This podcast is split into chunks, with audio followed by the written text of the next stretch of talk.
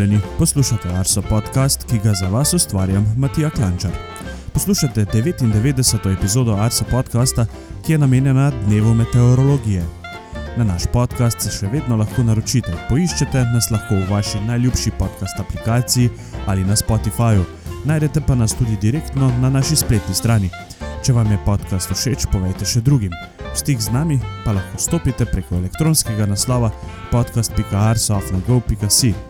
Seveda smo prisotni tudi na družbenih omrežjih, kjer z veseljem delimo vaše slike, storije ali se z vami pogovarjamo o vremenu. Na Twitterju smo Meteosi, na Facebooku in Instagramu pa nas najdete pod imenom Arso Vreme. Osrednja tema.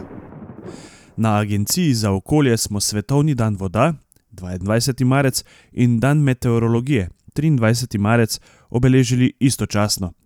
Predstavili smo delo kolegic in kolegov, ki so spremljali vodni krok, vreme in podnebje v Sloveniji nekoč, kako njihovo delo poteka danes in kako si ga predstavljamo v prihodnosti.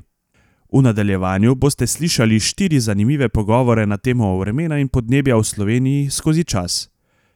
Na začetku bo zgodovino opazovanj na slovenskem predstavila Mateja Nadbah. Prav tako bo predstavila razvoj meteorološke mreže in postregla z marsikatero zanimivostjo. Pozdravljeni. Na kratko bi jaz se dotaknila zgodovine meteoroloških opazovanj, se pravi zgodovine opazovanj in beleženja vremena na ozemlju Slovenije. To vrstno opazovanje ima pri nas že dolgo tradicijo. Prva opazovanja, ki, za katere vemo, so potekala v Piranu od leta 1785 do leta 1808. Tole je preglednica iz publikacije uh, Toaldo Giornale, kjer so objavili meseč, podatke o mesečni višini padavin za izbrane postaje, med njimi je tudi Piran, tretji stolpcu. Uh, podatki so se ohranili zaradi tega, ker so bili objavljeni. Potem Uh, naslednja opazovanja so se začela leta 1818 v Ljubljani, podatke so sproti objavljali v takratnem časopisu Leibacher Zeitung. Leta 1849 pa so stekle opazovanja v postojni, uh, meteorološka poročila hranimo, pa hranijo, so še vedno ostala v arhivu na Dunaju. Prva meteorološka poročila, ki pa jih hranimo v našem arhivu na Agenciji za okolje, pa so iz leta 1850 z postaje v Ljubljani. Tukaj je eh, prvo poročilo za dni od 23. marca do 7. aprila. Opazovali so temperaturo in vlažnost zraka, zračni tlak, eh, vremenske pojave za različne ure v dnevu.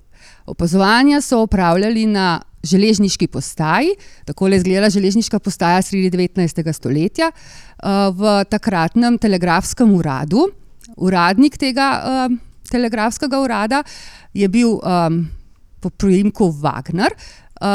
S telegrafom je dnevno pošiljal, sproti pošiljal podatke na Dunaj.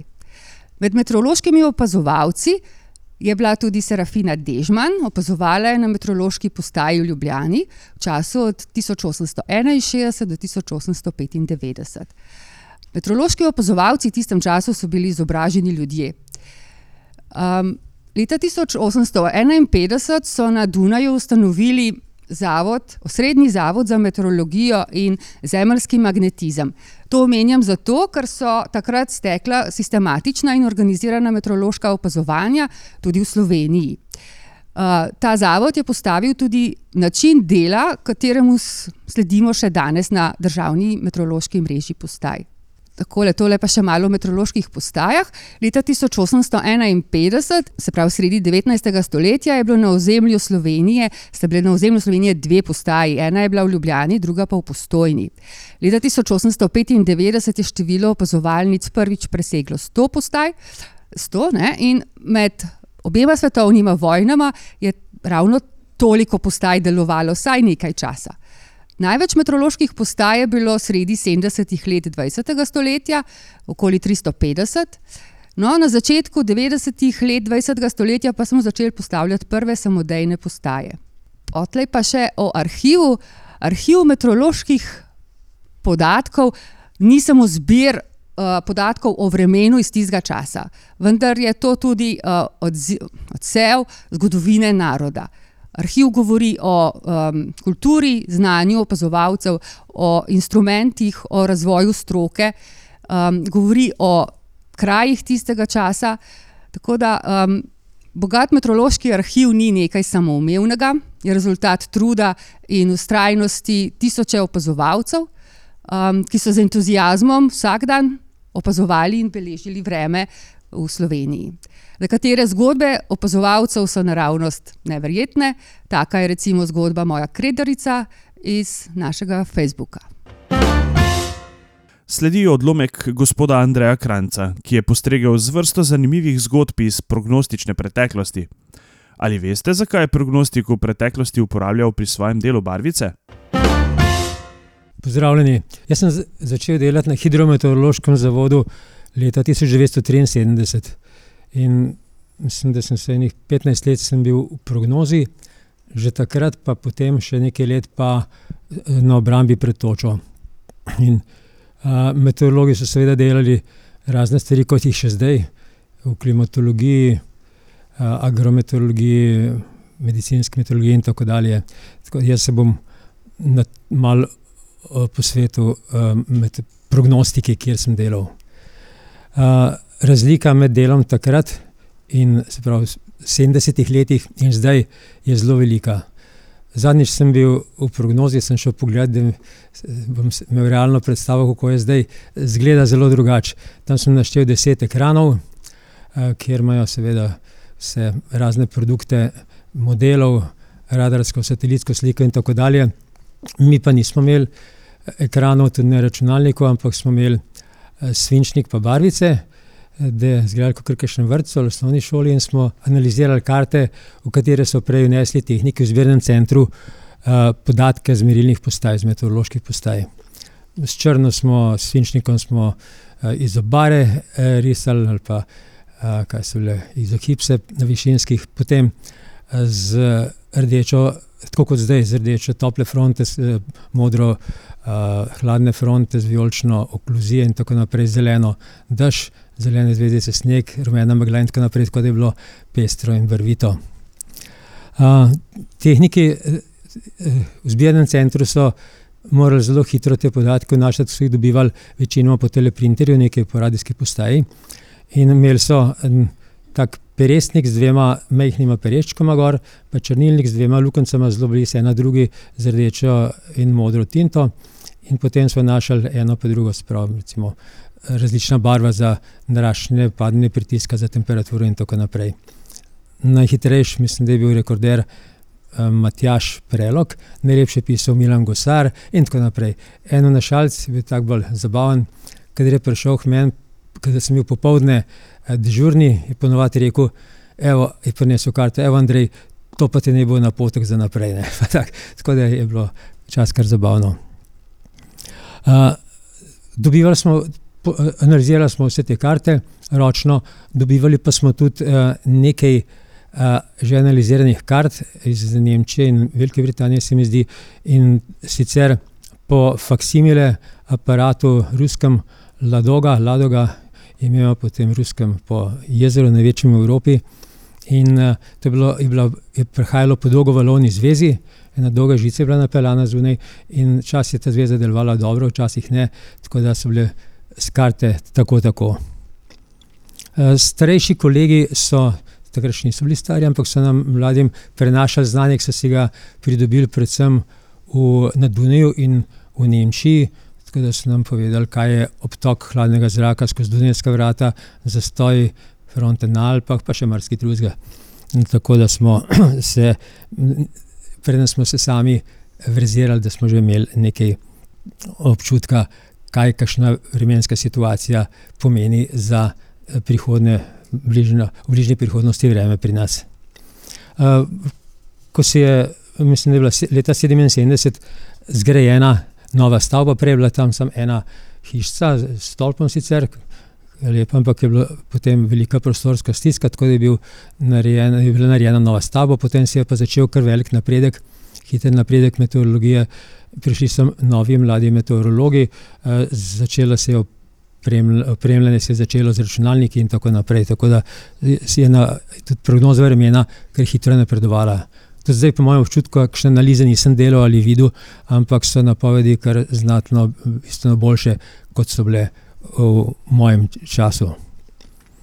Spomnim se pa, recimo, kot zanimivost pole, enega poletja, ko je bila zelo taka dolgotrajna omega situacija in okrog dva meseca je bil edini problem za prognostika, kako napisati napoved, ne bo čisto enaka kot prejšnji dan. Se verjetno se taka situacija tudi zdaj še kdaj ponovi. Ne?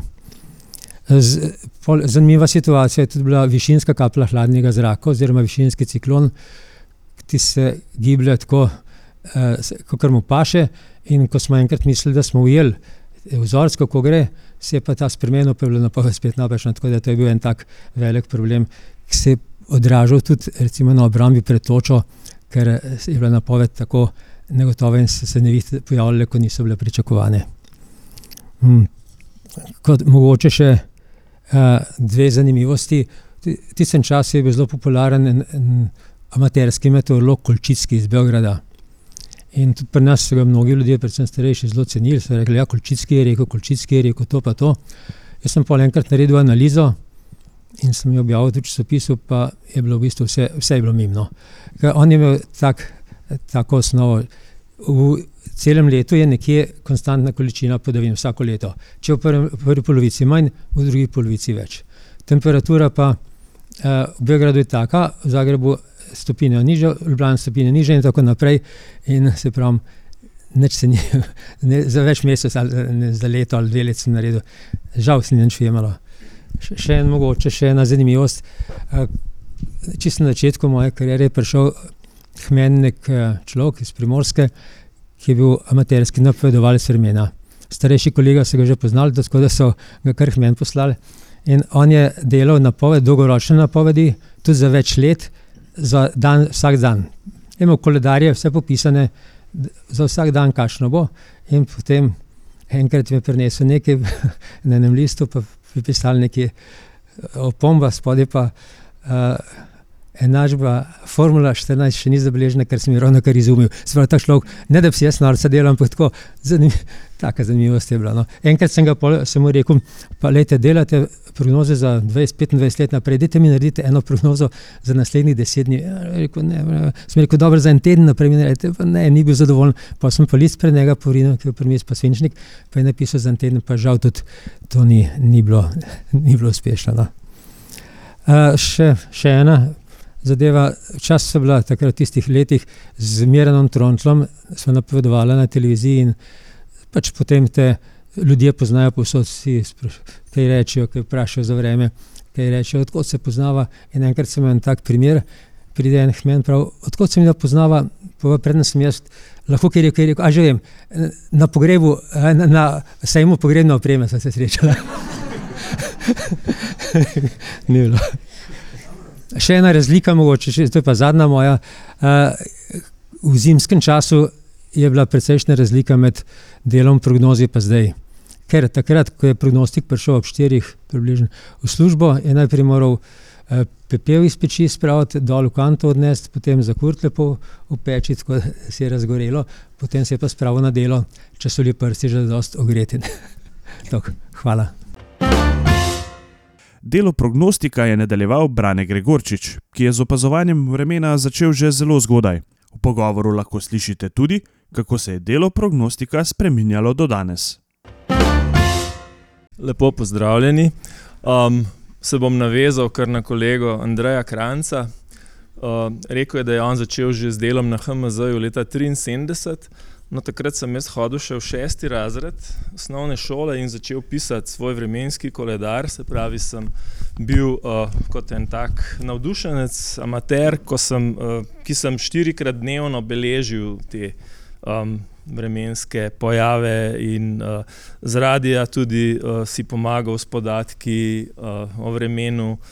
In nekako me je zagrabilo, no bom rekel, že takrat v osnovni šoli, in potem sem nekako samo sledil tisto pot, ki je bila potrebna, da, da bi uh, postal meteorolog. Uh, vse skupaj je baziralo na enem članku, mislim, da ga je profesor uh, Petkovšek uh, v reviji Pionir objavil, in tam je bil tudi en tak poziv uh, mladini, da naj svoje opazovanja pošle na revijo, pa jih bojo nagradili. No, jaz nisem nikoli poslal, ampak jih pa še hranim, no, tako kot zanimivost. Ne. Sicer pa, tako kot je že.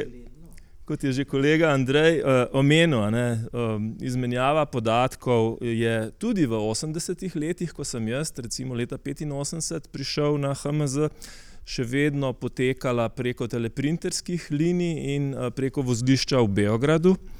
Um, Šele potem, koncem 80-ih let, ko je uh, naš kolega Jože Roškar postal direktor takratnega Zvezdnega hidrometeorološkega zavoda v Beogradu, so se, uh, so se opremili na tem zavodu s računalniki in potem se je začela računalniška izmenjava, tako podatkov, kot kasneje tudi kart. Um, v 70-ih letih, oziroma konc, v začetku 80-ih let, je postal operativen tudi Evropski center za srednjeročno vremensko napoved, eh, baziran v Redingu pri Londonu.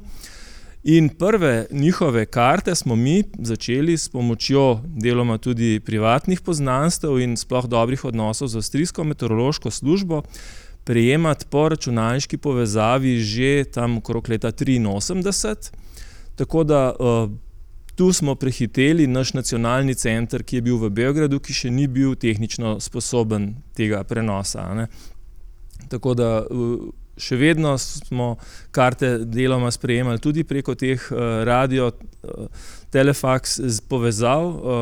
Res, da smo tiste ruske printerje nadomestili potem sodobnejšimi japonskimi, ker tisti ruski so zahtevali še tak elektrolitski papir, ki je zelo smrdel, ko se je sušil, ker so tisti, eh, tiste kemikalije izhlapevale v prostor in uh, stene so bile že po nekaj mesecih ne več bele, ampak kar rumenkaste, tako da danes to stališča varstva pri delu, uh, zdravja pri delu ne bi šlo več skozi. Takrat pa se, mislim, da se nihče ni zelo obremenjeval s tem. No, no ampak uh, uh, V Avstriji so potem izdelali tudi tako bolj modern ta, uh, sprejemnik, ki je pa deloval že na navaden papir z igličnim tiskalnikom. Um, ja, tako da počasi se je zadeva razvijala. Um, mogoče lahko pogledamo, kako smo risali včasih karte, grafike, seveda računalniške ni bilo. Dežurni je um, dejansko uh, ustvarjal take umetniške. Uh, produkte, se pravi, risuje vremenske fronte za dnevne časopise in uh, tudi televizijo.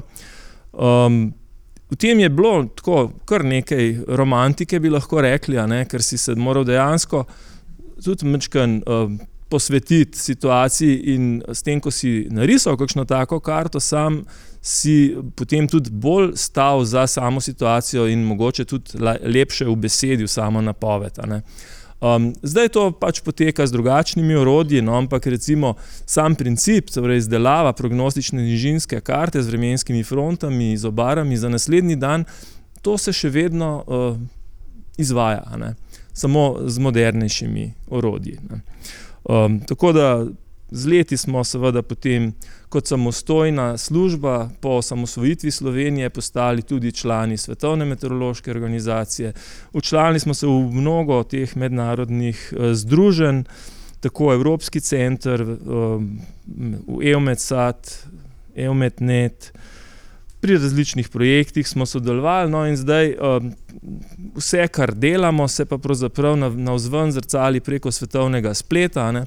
Um, tam je že bila prej ena naslovnica našega portala Meteo.si, kjer se v bistvu um, dejansko že s pogledom naslovne strani vidi veliko informacij in tudi osnovne napovedi, pa seveda tudi stanje vremenskih opozoril, ki so um, še vedno osnovna naloga nacionalnih meteoroloških služb.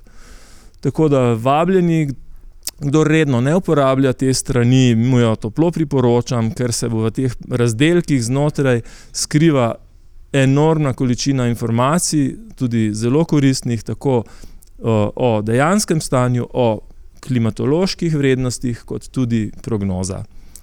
Jaz bi toliko, hvala.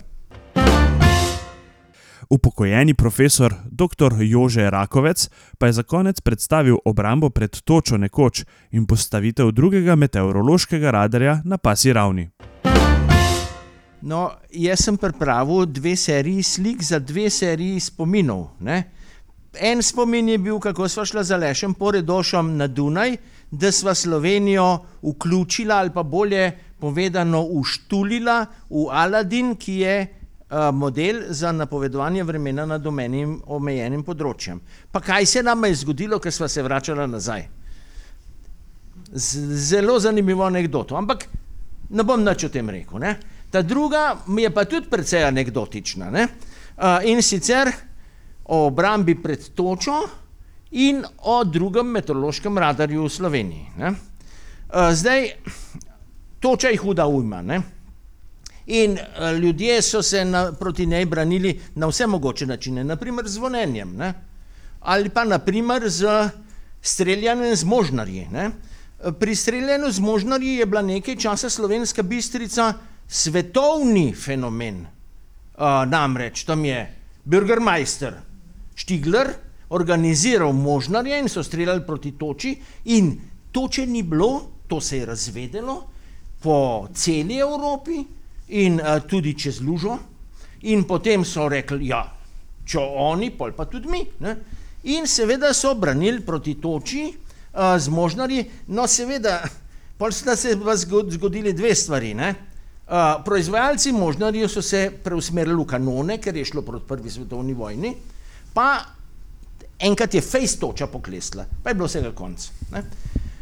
No, Slovenija je uvedla obrambo pred točo z raketami po sovjetskem vzoru, zato ker je bila ta obramba zelo uspešna. V planskem gospodarstvu si namreč moral biti uspešen, če nisi bil uspešen, se ni dobro končal. Ne? In seveda vsi ti, ti branitelji proti toči so poročali ze, v zelo, zelo visoki uspešnosti in seveda jih bomo posnemali. Ne? No, in tako je Slovenija upeljala sistem obrambe pred točo uh, z raketami uh, na štajerski strani. Uh, Pol so pa rekli, ja, kaj pa na primorski strani? Ja, tudi. Ne? No, in potem je takratni republiški izvršni svet uh, predlagal jugoslovanski vladi, ne italijansko vlado, sklene mednarodni sporazum za skupno obrambo pred točo v Furlaniji, pa na, na Vipavskem, pa na Krasu, pa tako naprej, v Brdih. Uh, takrat je bil predsednik izvršnega sveta Dušan Šinigoj in on je mu tudi, njegov oče je mu tudi uspešno obrambo pred točo. In sicer je Šinigoj povedal tole. Njegova obramba pred točo je taka. En vinograd ima tam, enega ima tam, enega ima pa tam. In seveda, ker toča udarja v pasovih, mu nikoli ni vseh vinogradov potoklo. No? no, potem pa seveda, če je bil mednarodni sporazum, je bilo treba postaviti drugi meteorološki radar. In drugi meteorološki radar so, zač, so ga kupili, so začeli že graditi na Slavniku, ne, na kar se je pojavila neka civilna inicijativa, ki si takrat še ni rekla civilna inicijativa, se je rekla drugače, uh, ki je ugotovila, da to utegne biti pa hudičevo nevarno. Ne. In seveda, kaj zdaj? Ne? No, in je šla neka skupina ljudi v Podgorje pod Slavnikom, to je vas, ki je na 500 metrov približno nižje ne, od vrha Slavnika, tem ljudem razlagati, da seveda radar skantena sploh ni narejena tako, da bi dol v Podgorje svetla. Ne. Sploh ne more svetiti dol. Uh, res pa je, da so še mehni uh, stranski, uh, uh, v stranske smeri gre tudi še malo ampak zanemarljivo malo. No, potem je ljudi recimo skrbelo, da utegne mogoče uh, burja zanest uh, elektromagnetno valovanje dol v Podgorje. Ali pa, ali pa recimo v druge vasi, v druge vasi tam na, na Koperskem. Ne? Ali pa recimo, da bi se sevanje radarsko absorbiralo v kapljicah pa v snežinkah, pa da bi potem ta reč dol prinesla sevanje. Ne? Seveda niso vedeli, da je to ni radioaktivno sevanje, ampak da so to uh, valovi, elektromagnetni valovi, podobni radijskim valovom. Ne? In če se to absorbira, ali pa mikrovalovki ne? v današnjih kuhnah, če se to absorbira, se spremeni v toploto, sevanja ni več. Uh, no, in je že izgledalo, da je ta skupina ljudi nekako uspela prepričati tiste prebivalce tam, da ja, mora biti pa res ni nevarno, mora biti bi pa uh, mi lahko vsem rekli ja. No, pol pa pride pegola, kar se reče tis, v tistih krajih. Ne? Pegola pomeni smola. Ne? Oglasil se je en profesor iz fakultete za elektrotehniko in je rekel, poglejte tole mojo uro, jaz jo sicer nosim, ampak na tej uri so številčnice, ki svetijo, ali pa tiste pikce, ali ne vem kaj je bilo, ne? številke ali pa pikce. Ne? Sej uh, jaz jo nosim, ker je to zanemarljivo malo, ampak prav nič pa tudi ni. Pri tem je hrabro zamolčal, ne? da je tisto, kar gre iz tih, tih zelenih pikc ven, vidna svetloba in od vidne svetlobe, no razen če se pražiš na soncu, šlo raka, raka fasov, ampak uh, mora biti doza primerna. Ne? In seveda z lokacijo na slavniku je bilo konc. No, potem je bilo pa počas konc tudi z obrambo pred točo. Ne zelo, zelo hitro. Namreč zgodil, zgodilo se je cel kup nesreč. Uh, mogoče ste en film gledali, v kateri je ena gospa naredila samomor, tako da se je na rampo s raketami vrgla. No, jaz vem pa še za eno uh, podrob, podobno, podrobnost.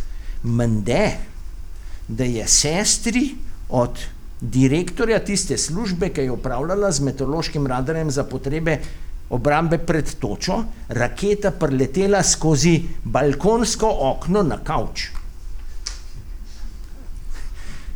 No, pa ni bil, niso bile samo nesreče, krive, da je bilo konec obrambo pred točo, ampak tudi nikoli se ni zares pokazalo, da je kaj uspeha. Ne? In potem je bila ta obramba pred točo ukinjena. Seveda, želja po drugem meteorološkem radarju je pa ostala namreč. Pri tisti inicijativi, drugi meteorološki radar za obrambo pred točo, so nekateri verjeli, da bo to pomagalo pri obrambi pred točo in iskreno verjeli. So pač verjeli, da ta da sistem deluje. Ne? Nekateri so pa mečkam sebično razmišljali tudi o tem, da no, prav bomo pa saj drugi radar dobili. Uh, no in glede na to, da vreme prihaja večinoma od zahoda, je bi bilo zelo koristno, da bi videli, ali mogoče iz Furlanije ali pa iz Spanske nežine, ki tam prihaja kakšna huda, huda nevihta, da to se da na, s pomočjo radarskih slik za pol ure, eno uro, uro pa pol, morda včasih tudi za dve uri vnaprej izdato opozorilo. In ker je bila civilna zaščita še vedno v istem resorju kot vojska, se je potem vojska slovenske meteorologije usmilila in je dala svojo lokacijo za drugi meteorološki radar na pasji ravni, tamle uh, pohograjskih hribi. Uh, toliko. Hvala še enkrat vsem za te zanimive zgodbe. Obeti. Vremenske obete je tudi tokrat pripravil Blaž Šter. Teden smo začeli z obilnejšimi padavinami, ohladitvijo in nizko mejo sneženja, ki se je ponekod spustila do nadmorske višine okoli 500 metrov. V marcu se vreme lahko zelo hitro spreminja. V ponedeljek čez dan nas je na to dosegel zelo suh in hladen zrak. Torkovo jutro je bilo mrzlo, večinoma se temperatura je spustila pod ledišče. Po nižinah je bila od minus 4 do minus 1, na Babnem polju pa smo zabeležili celo minus 9 stopinj. Na srečo je večji del noči malo pihalo, drugače bi bilo še bistveno hladneje. Tudi sredino jutro je hladno, a pred večjo pozebo nas je tokrat rešila oblačna koprena, ki je upočasnila ohlajanje. Današnji dan bo znamenju postopne otoplitve. Ob topli fronti bo nad Slovenijo bolj ali manj gosta koprenasta oblačnost. Nižji in bolj gosti oblaki bodo na severovzhodu, več jasnine pa bo na primorskem. V zahodnji in osrednji Sloveniji bo ponovno vetrovno, zapihal bo jugozahodnik. Najviše temperature bodo od 11 do 16 stopinj. V četrtek se bo vlažen jugozahodni tok še okrepil, oblačnost se bo iznad primorske in notranske širila proti osrednji Sloveniji, nekaj jasnine bo na vzhodu, nad hribovitimi kraji bo popoldne že začelo rahlo deževati. Pihal bo okrepljen jugozahodnik. Jutro bo toplejše, s temperaturo zraka nad lediščem, čez dan pa bo od 10 do 18 stopinj, najtopleje bo na vzhodu. V noči na petek nas bo plazila vremenska motna, rahel dež se lahko pojavlja tudi drugod po Sloveniji. V petek bo bolj ali manj oblačno, sprva bo rahlo deževalo na zahodu, popoldne in zvečer pa se bodo padavine najverjetneje razširile nad vso Slovenijo, še vedno bo vetrovno in toplo. V soboto pričakujemo spremenljivo vreme, pravo za 1. april. Zjutraj bo dež večinoma ponehal, čez dan pa bodo nastajale plohe in posamezne nevihte, veter bo slabel. Tudi v nedeljo se vreme še ne bo čisto umirilo, dosegla nas bo izrazita hladna fronta. Padavin kaže, da ne bo prav veliko, vseeno pa pričakujemo krevne plohe, zapihal bo okrepljen severovzhodnik, na primorskem burja. Začetek prihodnega tedna bo morda prinesel razjasnitev, vsekakor pa kaže, da bo suho, hladno, na primorskem bo še ustrajala burja. Ohladitev žal prinaša tveganje za nizke jutranje temperature.